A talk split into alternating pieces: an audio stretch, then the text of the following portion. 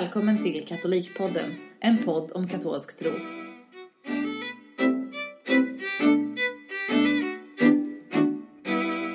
Hej och välkomna till Katolikpodden och välkomna tillbaka till Katolikpodden efter vårt lilla sommaruppehåll. Eh, Det här är Alex som pratar och jag sitter här med Patrik. Eh, Som, som under sommaren eh, tillsammans med Paula har fått sitt andra barn. Det är grattis! Ja, Och tackar. det är delvis därför vi har haft det här lilla uppehållet. Vi hade ju i våras så hade vi ju ett avsnitt om eh, kvinnlighet. Och då kommer nu våran motsvarighet helt enkelt. om- Ja, vi, vi vill inte vara sämre. Nej.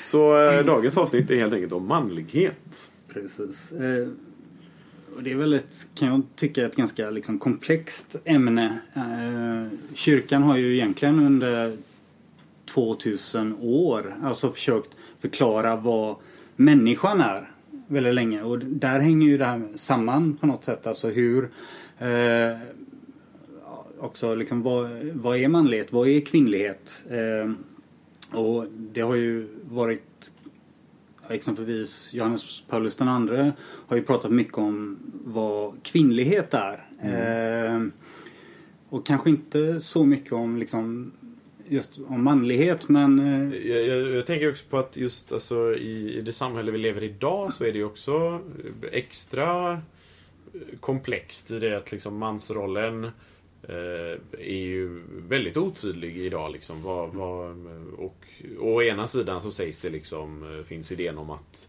ehm, men, kön är bara liksom socialt betingat. Och å andra sidan så, så, så hävdar man att liksom eh, Män har egenskaper som gör just att de som män ehm, gör dåliga saker och utnyttjar kvinnor och det ena och det andra. Och det är liksom också, det, ja, även i, i liksom den allmänna samhällsdebatten så vet man inte vad, vad, vad, vad är manlighet? Vad betyder det att vara man? ja precis det får väl kanske lite stryk på något sätt. Ja. Kanske inte är helt berättigat kan jag tycka. Men, Nej, precis. Eh, Men, men vad, vad, säger, vad säger kyrkan om manlighet? Ja. Eh, Johannes Paulus II pratade ju mycket kroppens teologi att man ska liksom gå tillbaka till den absoluta början, alltså till begynnelsen. Och där kan man ju, alltså till ja, när världen skapades och även människan skapades. Eh, Gud skapade ju mannen Adam eh, och sa ganska snart att ja, det är inte bra att mannen är ensam. Eh, och skapade därmed kvin- eh, kvinnan, Eva. Och jag, jag vet inte riktigt vad det kanske säger om manlighet men jag tror i alla fall att det kan... Ja, det finns något litet frö där till någonting som jag kanske ska återkomma Ja. till lite senare och knyta Ja. samman säcken. Men, eh, Ja men precis, alltså Gud, Gud skapade oss till man och kvinna så att säga. Mm. Och, och, i, eh, och inte just, det handlar inte om att eh, mannen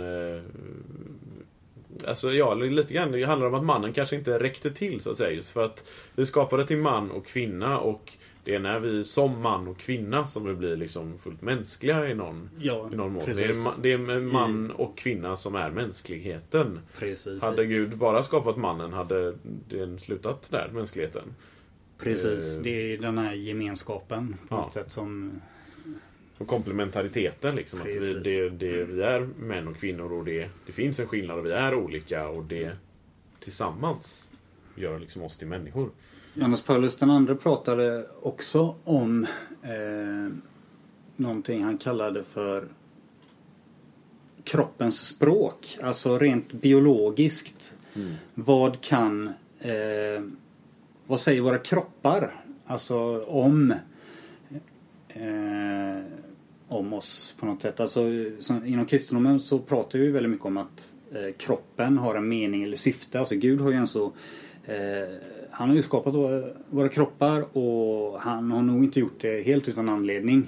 Nej, nej. Han har ju något, något syfte. Han skapade ju Men- änglarna utan kroppar. Så Ja, det, det finns precis. de också. Men Precis, vi, vi är både kropp och själ. Precis. Så är det ju. Eh, och kroppen uttrycker ju på något sätt personen. Eh, och Gud har ju skapat den manliga kroppen med vissa specifika karaktärsdrag. Alltså rent generellt kan man ju säga att män är ju oftast längre, starkare och större eh, än kvinnor. Sen finns det sådana kortisar som jag. Ja, men- det, är en annan, ja, jo. en annan femma. Nu pratar vi generellt. eh, om detta nu har en mening eh, så betyder det att män är skapade för fysiskt arbete. Alltså even- för tunga lyft. Eh, för att vara mer uthålliga Mm. eh, än kvinnor. Eh, och det kan även betyda att män ska också skydda. Alltså det som är svagare är mindre. Mm. Eh, och oavsett om det är fysiskt arbete eller någon liksom beskyddande anledning så, så tyder ju det på att männen ska liksom utge sig själva väldigt generöst. Ja, och det, det, det är också väldigt kopplat till, till, eh, eh, alltså till, till fysiken rent i sexualiteten också. Det, det, om man kommer in på kroppens teologi, den biten. Att, eh, där är ju mannen liksom utgivande Mm. i sin sexualitet. Precis. Eh, på ett sätt som kvinnan inte är. Så det, det, även där finns ju den aspekten också. Verkligen. Eh, sen tänker jag att det kan även vara bra att göra några nedslag i Bibeln. För att liksom försöka plocka lite vad manlighet är. Eh, Mm. och då är det tre saker som jag skulle vilja ta upp och det är delvis eh, beskyddare. Vi nämnde ju det lite nu precis eh, rent fysiskt men i första Moseboken, andra kapitlet så tog Herren människan, alltså Adam, till Edens trädgård för att bruka och vårda den. Eh, Det hebreiska ordet för vårda i det här sammanhanget är shamar. Och det har ju också betydelsen av att vakta eller beskydda. Mhm. Eh, och där är väl lite alltså, tanken att Adam då ska, han ska beskydda den här trädgården eh, från ja, liksom hålla ordning i den. Eh, och även alltså beskydda den från alltså yttre inträngande fiender eller vad Ja. det kan vara. Djur som äter upp, rådjur som äter upp eh, mangolden som på våran kolonilott. Ja. nu har jag satt upp ett staket. Precis. Claudias pappa och jag gjorde det. Vi var manliga och beskyddade våran kolonilott. Precis. Och, och där tänker jag, det, det behöver inte kanske bara vara, liksom vara fysiskt. Alltså det kan ju även vara alltså andliga fiender. Ehm, tänker jag. Alltså det är... ehm, alltså männen ska på något sätt ehm, även liksom vara i... Hålla gränserna liksom mot Mm. det yttre det onda på något sätt som vill liksom tränga in och liksom förgöra trädgården. Eller, ja. Mm. Och den andra nedslaget är dygdighet eller på något sätt alltså att eh, i första konungaboken, andra kapitlet så eh, Israels konung David han ligger vid sin dödsbädd och han ger där eh, sin son Sol, eh, Solomon ett gäng råd. Eh, och han säger då bland annat Var stark och visa dig som en man. Håll vad Herren din Gud har befallt. Eh, med detta knyter ju då David ihop manlighet med dygdighet. Eh, män är starka och håller Guds bud. Eh, och dygdighet är det vill säga inte en svaghet utan alltså en ganska vital del av manligheten. Ja precis, alltså vad, dygd är ju liksom ett ord som, som det inte pratas om så mycket i, idag. Nej. Utan om det, det Så vad, vad, vad är dygd överhuvudtaget kanske vi ska nämna någonting om. Ja, Eh, vi kan ju citera ur katekesen för att säga vad, vad i, i katekesen eh, 1803 så står det så här om dygden. Eh, dygd innebär en inre hållning hos människan att ständigt och beslutsamt göra det goda. Eh, den gör det möjligt för en person att inte enbart göra goda gärningar utan också att ge det bästa av sig själv. En dygdig person strävar med alla sina fysiska, psykiska och andliga krafter mot det goda. En sådan person söker det goda i konkreta handlingar. Ja, det är det du precis sa. Helt enkelt. Ehm, Det är ju rätt så kul också på något sätt. Alltså i latin, latinet. Eh, Just det. Dygdighet. Eh, alltså latinska ordet för dygdighet. Eh, virtus. Och på engelska också, Eh, vir- a virtue. ja. Där har du ju ordet för man. Alltså det latinska ordet för man i det hela vir. precis. Bara för att liksom knyta an det på något sätt. Ja. Och alltså den som på något sätt försöker överkomma liksom högmod, ilska, lust eller vad det nu är. Alltså den, den som har försökt detta Mm. vet ju att det krävs verkligen alltså en mans styrka på något sätt. Alltså Mm. att, eh, för det. Alltså män är skapade för, ja, för strid. Ja, och på något sätt leder genom exempel. Ja, precis. Alltså, eh, för det här, liksom när, när jag började fundera på det här kring, kring dygder och dygdighet överhuvudtaget så var det ganska revolutionerande för mig liksom, på något sätt i, i hur eh, Ja, hur, hur, man, hur, man, eh, hur jag såg på livet liksom, liksom hur, hur jag Ja, hur man faktiskt funderar kring vad man faktiskt gör. Eh, och eh, alltså det finns ju olika dygder som kyrkan så kan man säga, specificerar. Dels finns ju de t- tre teologala dygderna. Eh, tro, hopp och kärlek. Eh, och sen så finns ju också de fyra kardinalsdygderna. Eh, och, och de är ju framförallt liksom, tycker jag, är framförallt verkligen liksom viktiga för, för, för män, skulle jag säga. Och de, de fyra är alltså eh, klokhet, eh, rättfärdighet, eh, tapperhet eller självstyrka. Det är lite svårt, svårt men det är det de brukar formulera som. Och måttfullhet. Eh, och om man ska säga någonting kort om, om dem. Liksom att, att klokhet, det handlar ju om att använda sitt, sitt förnuft till att göra det goda och liksom att tänka efter innan man handlar liksom, och söka det, söka det goda och inte bara handla på impuls. Eh, och rättfärdighet handlar ju just om att vara rättvis i det man gör och, och jag tror att i katekesen står det att man eh, ska ge åt Gud och åt nästan det som tillkommer dem. Liksom. Eh, och eh, tapperhet, eller självstyrkan, det, det handlar ju att, om att göra det goda och sträva för det goda även när det kostar på. Liksom just den här uppoffringen som, som du var lite inne på tror jag. Eh, och eh, måttfullheten tror jag är det, nästan det, det, i dagens samhälle är det liksom det är mycket aktuellt. För det handlar ju det handlar ju inte om att liksom inte göra saker så att säga. Att, att eh, ta bort saker. Liksom, utan det handlar ju om att eh, om att inte liksom kontrolleras av, av sina begär och lustar och känslor. Liksom, utan om att, ja, att behärska dem. Och, eh, och det, det, det kan, handlar ju om, liksom, det kan ju handla om allt möjligt. Det kan ju handla om mat, det kan ju handla om pengar, det kan handla om sex, det kan handla om massa saker. Eh, och jag tycker just att det är jätte extra aktuellt just i dagens samhälle där där man säger att vi ska följa våra känslor och våra lustar och det är det som gör oss lyckliga om vi bara följer vårt hjärta som man säger. Eh, men det är ju verkligen inte så utan det är ju precis tvärtom för att gör vi bara det så blir vi ju slavar under, under våra känslor, under våra, våra begär. Eh, och det, det blir man i längden inte lycklig av utan tvärtom. Och det är en eh, en, van, en väldigt vanlig sak som, som unga män kämpar med idag är ju liksom kring sexualiteten och porr och så vidare. Eh, och det, där handlar ju väldigt mycket just om, om, eh, ja, om att eh, inte behärska sina lustar och sina begär.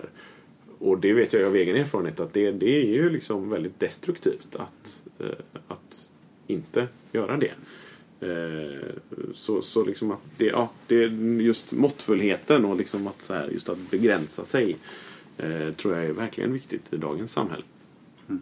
För, för jag tänker också att det, det är liksom eh, just liksom den sexuella driften och så att säga. Det, det är ju också en det är ju en helt normal eh, det är ju en, en, en drift som vi har lagt i oss och så att säga. Den är inte ond i sig så att säga utan den som allting så måste det finns det en, eh, en ordning för det så att säga. Och det, Problemet är ju inte om man blir attraherad av, av någon man ser. Liksom, utan det handlar ju om vad man gör av den reaktionen man...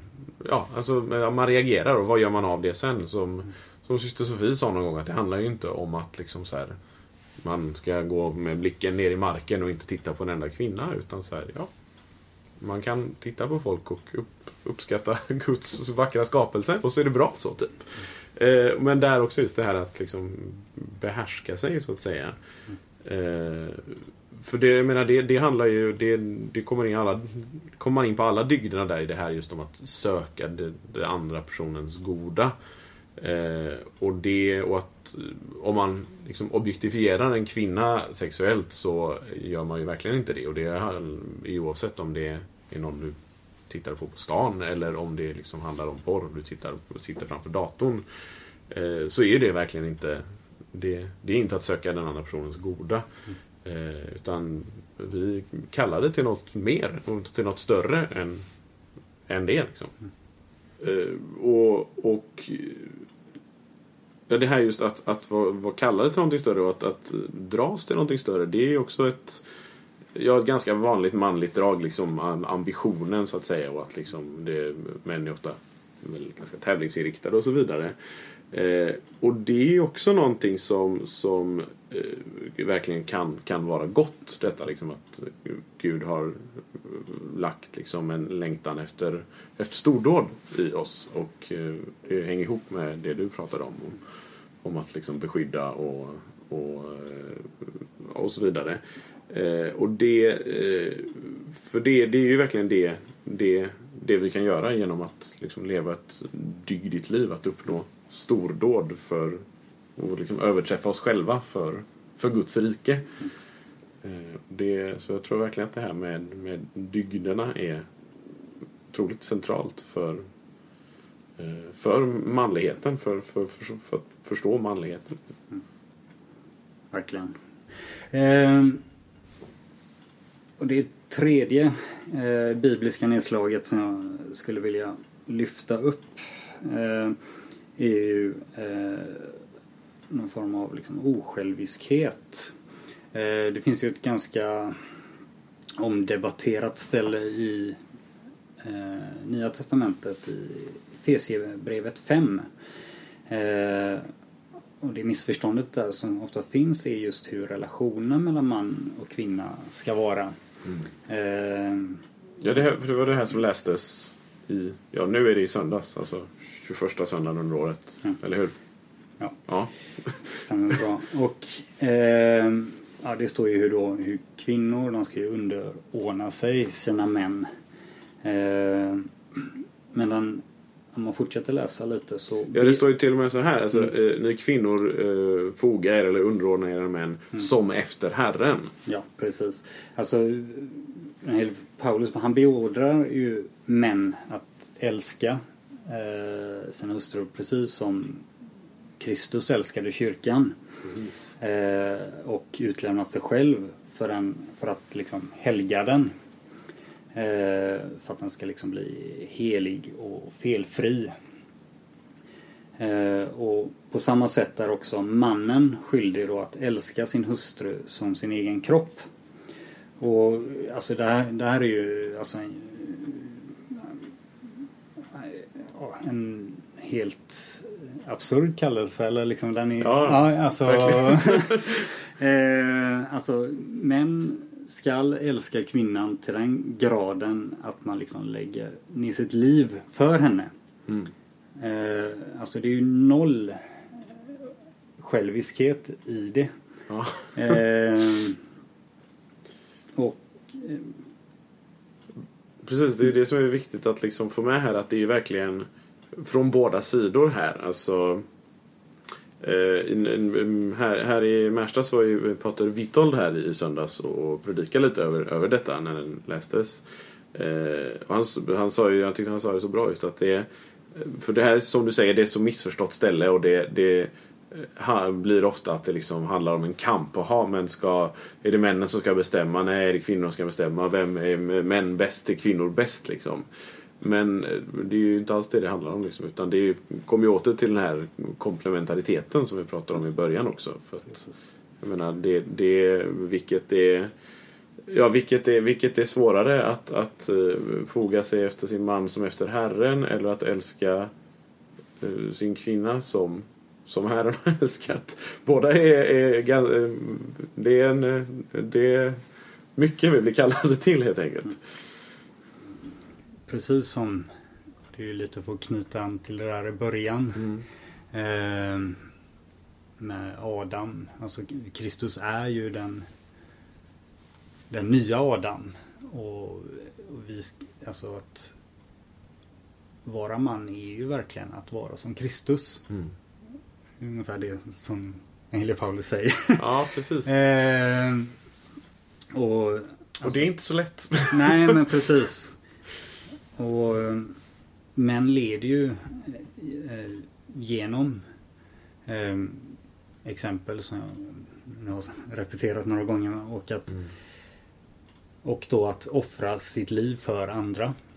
Eh, så på något sätt, alltså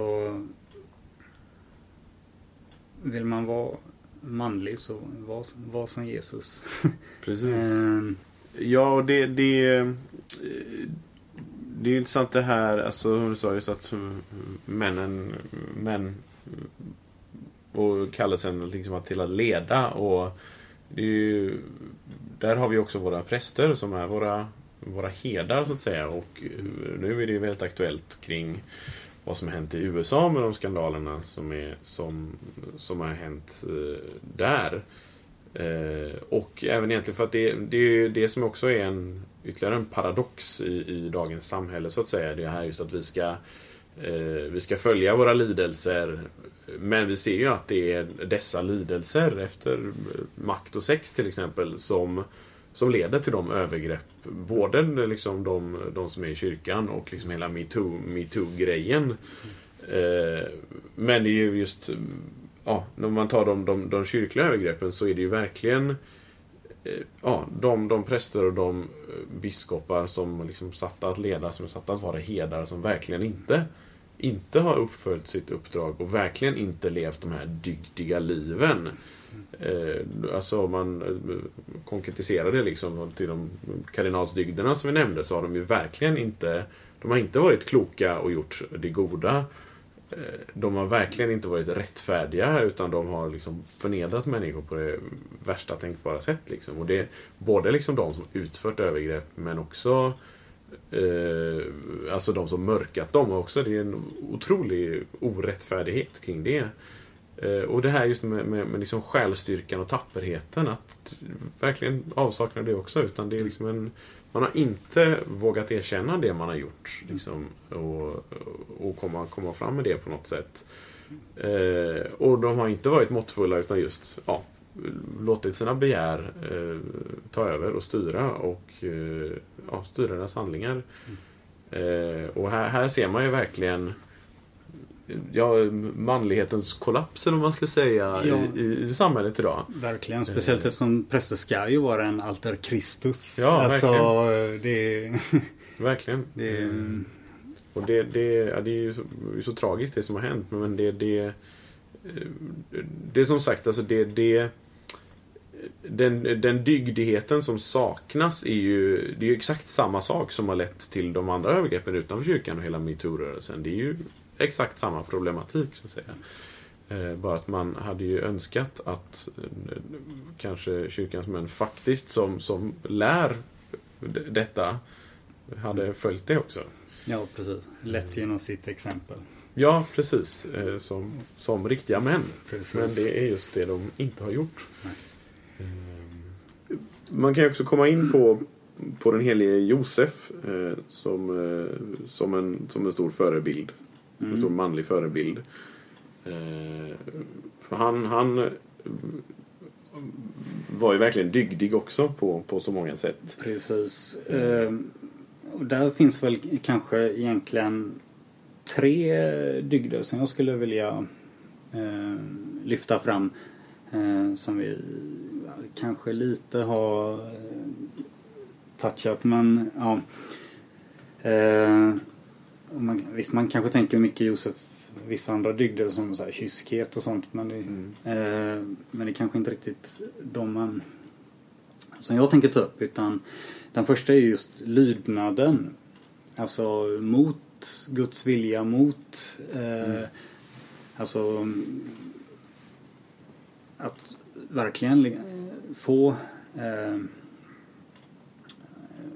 ja, höra Gud i eller en ängel framföra eh, Guds order att ja, dra till Egypten eller så här, och verkligen Ja, gen, hela, genomföra det.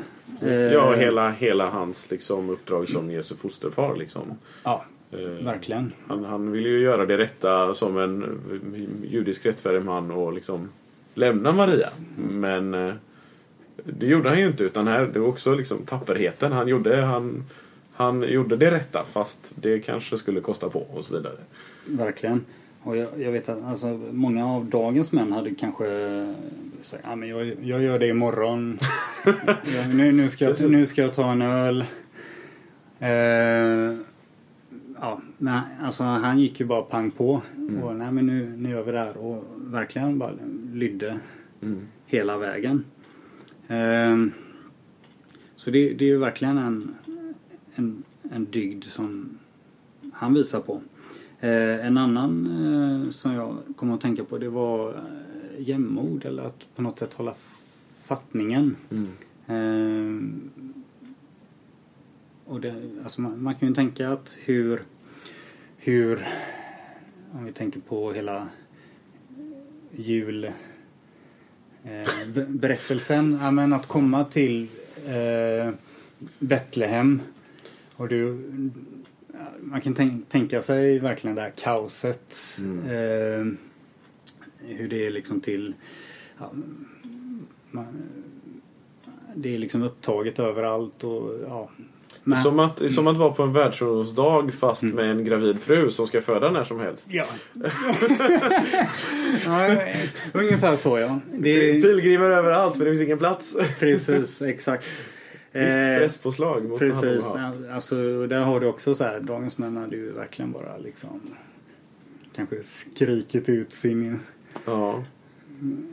um, och tappat fattningen totalt och knött sig fram och verkligen man eh, Josef, eh, ja, Josef som eh, alla berättelser om honom i Bibeln säger ju ingenting. Nej, Nej, han går bara vidare och hittar till slut det här stallet liksom. just det. Så det, det är också en, som jag kan tänka mig, liksom en väldigt manlig dygd på något sätt också. Mm. Eh, och sen så en annan är ju glädje. Det kanske man inte tänker så mycket på. Men man kan ju tänka när han väl har hittat det här stallet och hur han och han är liksom framme vid målet. Allting liksom Jesusbarnet är fött och allting. Och verkligen känna den här glädjen och den här friden på något sätt. Över det hela. Eh, man brukar säga att det finns tre tillfällen som män gråter vid. Det är vid sitt, sitt bröllop, vid sitt barns födelse och när sitt barn föder sitt barn. Aha. Alltså man, och på något sätt, alltså, och det är ju en ren glädjeyttring liksom. Och jag tror att det, det där är ju också någonting liksom, man kan tänka att Josef verkligen liksom kände vid Ja. det här tillfället. Jag sitter och funderar på, på om jag grät vid dessa tillfällen. Men jag minns inte. Ja, Jag har inte fått barnbarn ännu. Men, men eh, nej, jag, jag minns inte. Får fråga Claudia. Hon Ja. minns säkert. Ja men precis. Nej men det är ju rent generellt nu Ja. liksom. så brukar man säga det. Så att det är liksom de tre dygderna på något sätt som i alla fall jag skulle vilja lyfta fram som den helige Josef kan lära oss lydnad, jämnmod eller hålla fattningen och glädje. Mm. Eh, Jo men det, det knyter ju ändå an till de här kardinalsdygderna också egentligen. Mm. Det, det, det ryms ju under, under dem också i någon mån. ja, verkligen. Eh, Så det, det, det, ja. dygden? Är, är det det som är manlighet? Är det det vi har kommit fram till kanske? Ja, mm, verkligen. Och det, ja, vi har ju citerat också David och Salomon. Ja, Där har du ju liksom rättfärdighet och visdom och allting också. Precis. Så det, eh, ja, någon skön. Ja, Men allt detta är ju verkligen exemplar. Ja, är, där är ju liksom Kristus själv det stora exemplet för allt detta det. liksom. Den nya Adam. mm. Och Mm. Och vi tänkte försöka avrunda med en, en liten bön som egentligen kommer ursprungligen från eh, Pius XIIs eh, encyklika om den helige Josef. Får runda av till. Vi kom på innan, innan, vi, innan vi ber så skulle vi också komma med lite tips om, om vad man kan eh, läsa mer om manlighet.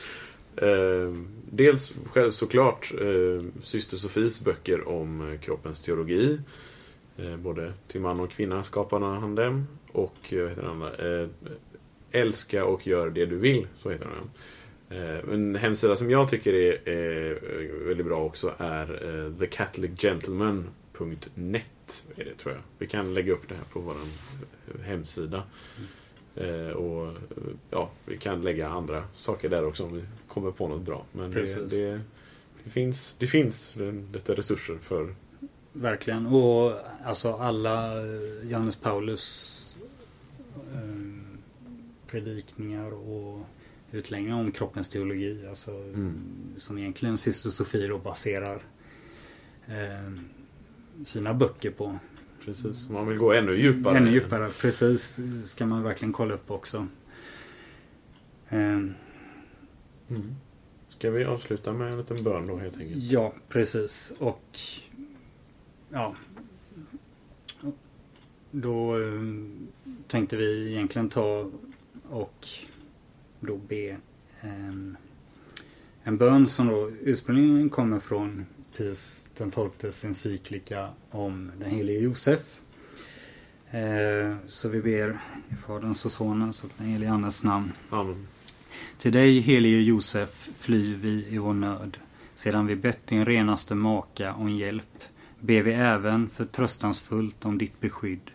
För den kärleks skull som förenade dig med Guds moder, den obefläckade jungfrun, och för den faderliga kärleks skull med vilken du omfamnade Jesusbarnet, ber vi dig, Se med barmhärtighet till den arvedel, kyrkan, som Jesus Kristus har köpt med sitt dyrbara blod. Kom till vår hjälp med din mäktiga förbön, du den heliga familjens säkra skydd och trogna stöd. Vaka över oss, Jesu Kristi utvaldas släkte och folk. Håll borta ifrån oss, kärleksrike Fader, all villfarelses smitta och fördärv. Hjälp oss, du vår starke beskyddare, i vår kamp mot mörkrets makter och liksom du en gång har räddat Jesusbarnet ur den yttersta livsfara, så försvara nu Guds heliga kyrka mot alla fienders angrepp och försåt. Ta oss under ditt beskydd så att vi efter ditt föredöme och med din hjälp får leva ett heligt liv dö en salig död och uppnå den eviga glädjen i himmelen. Amen. Amen.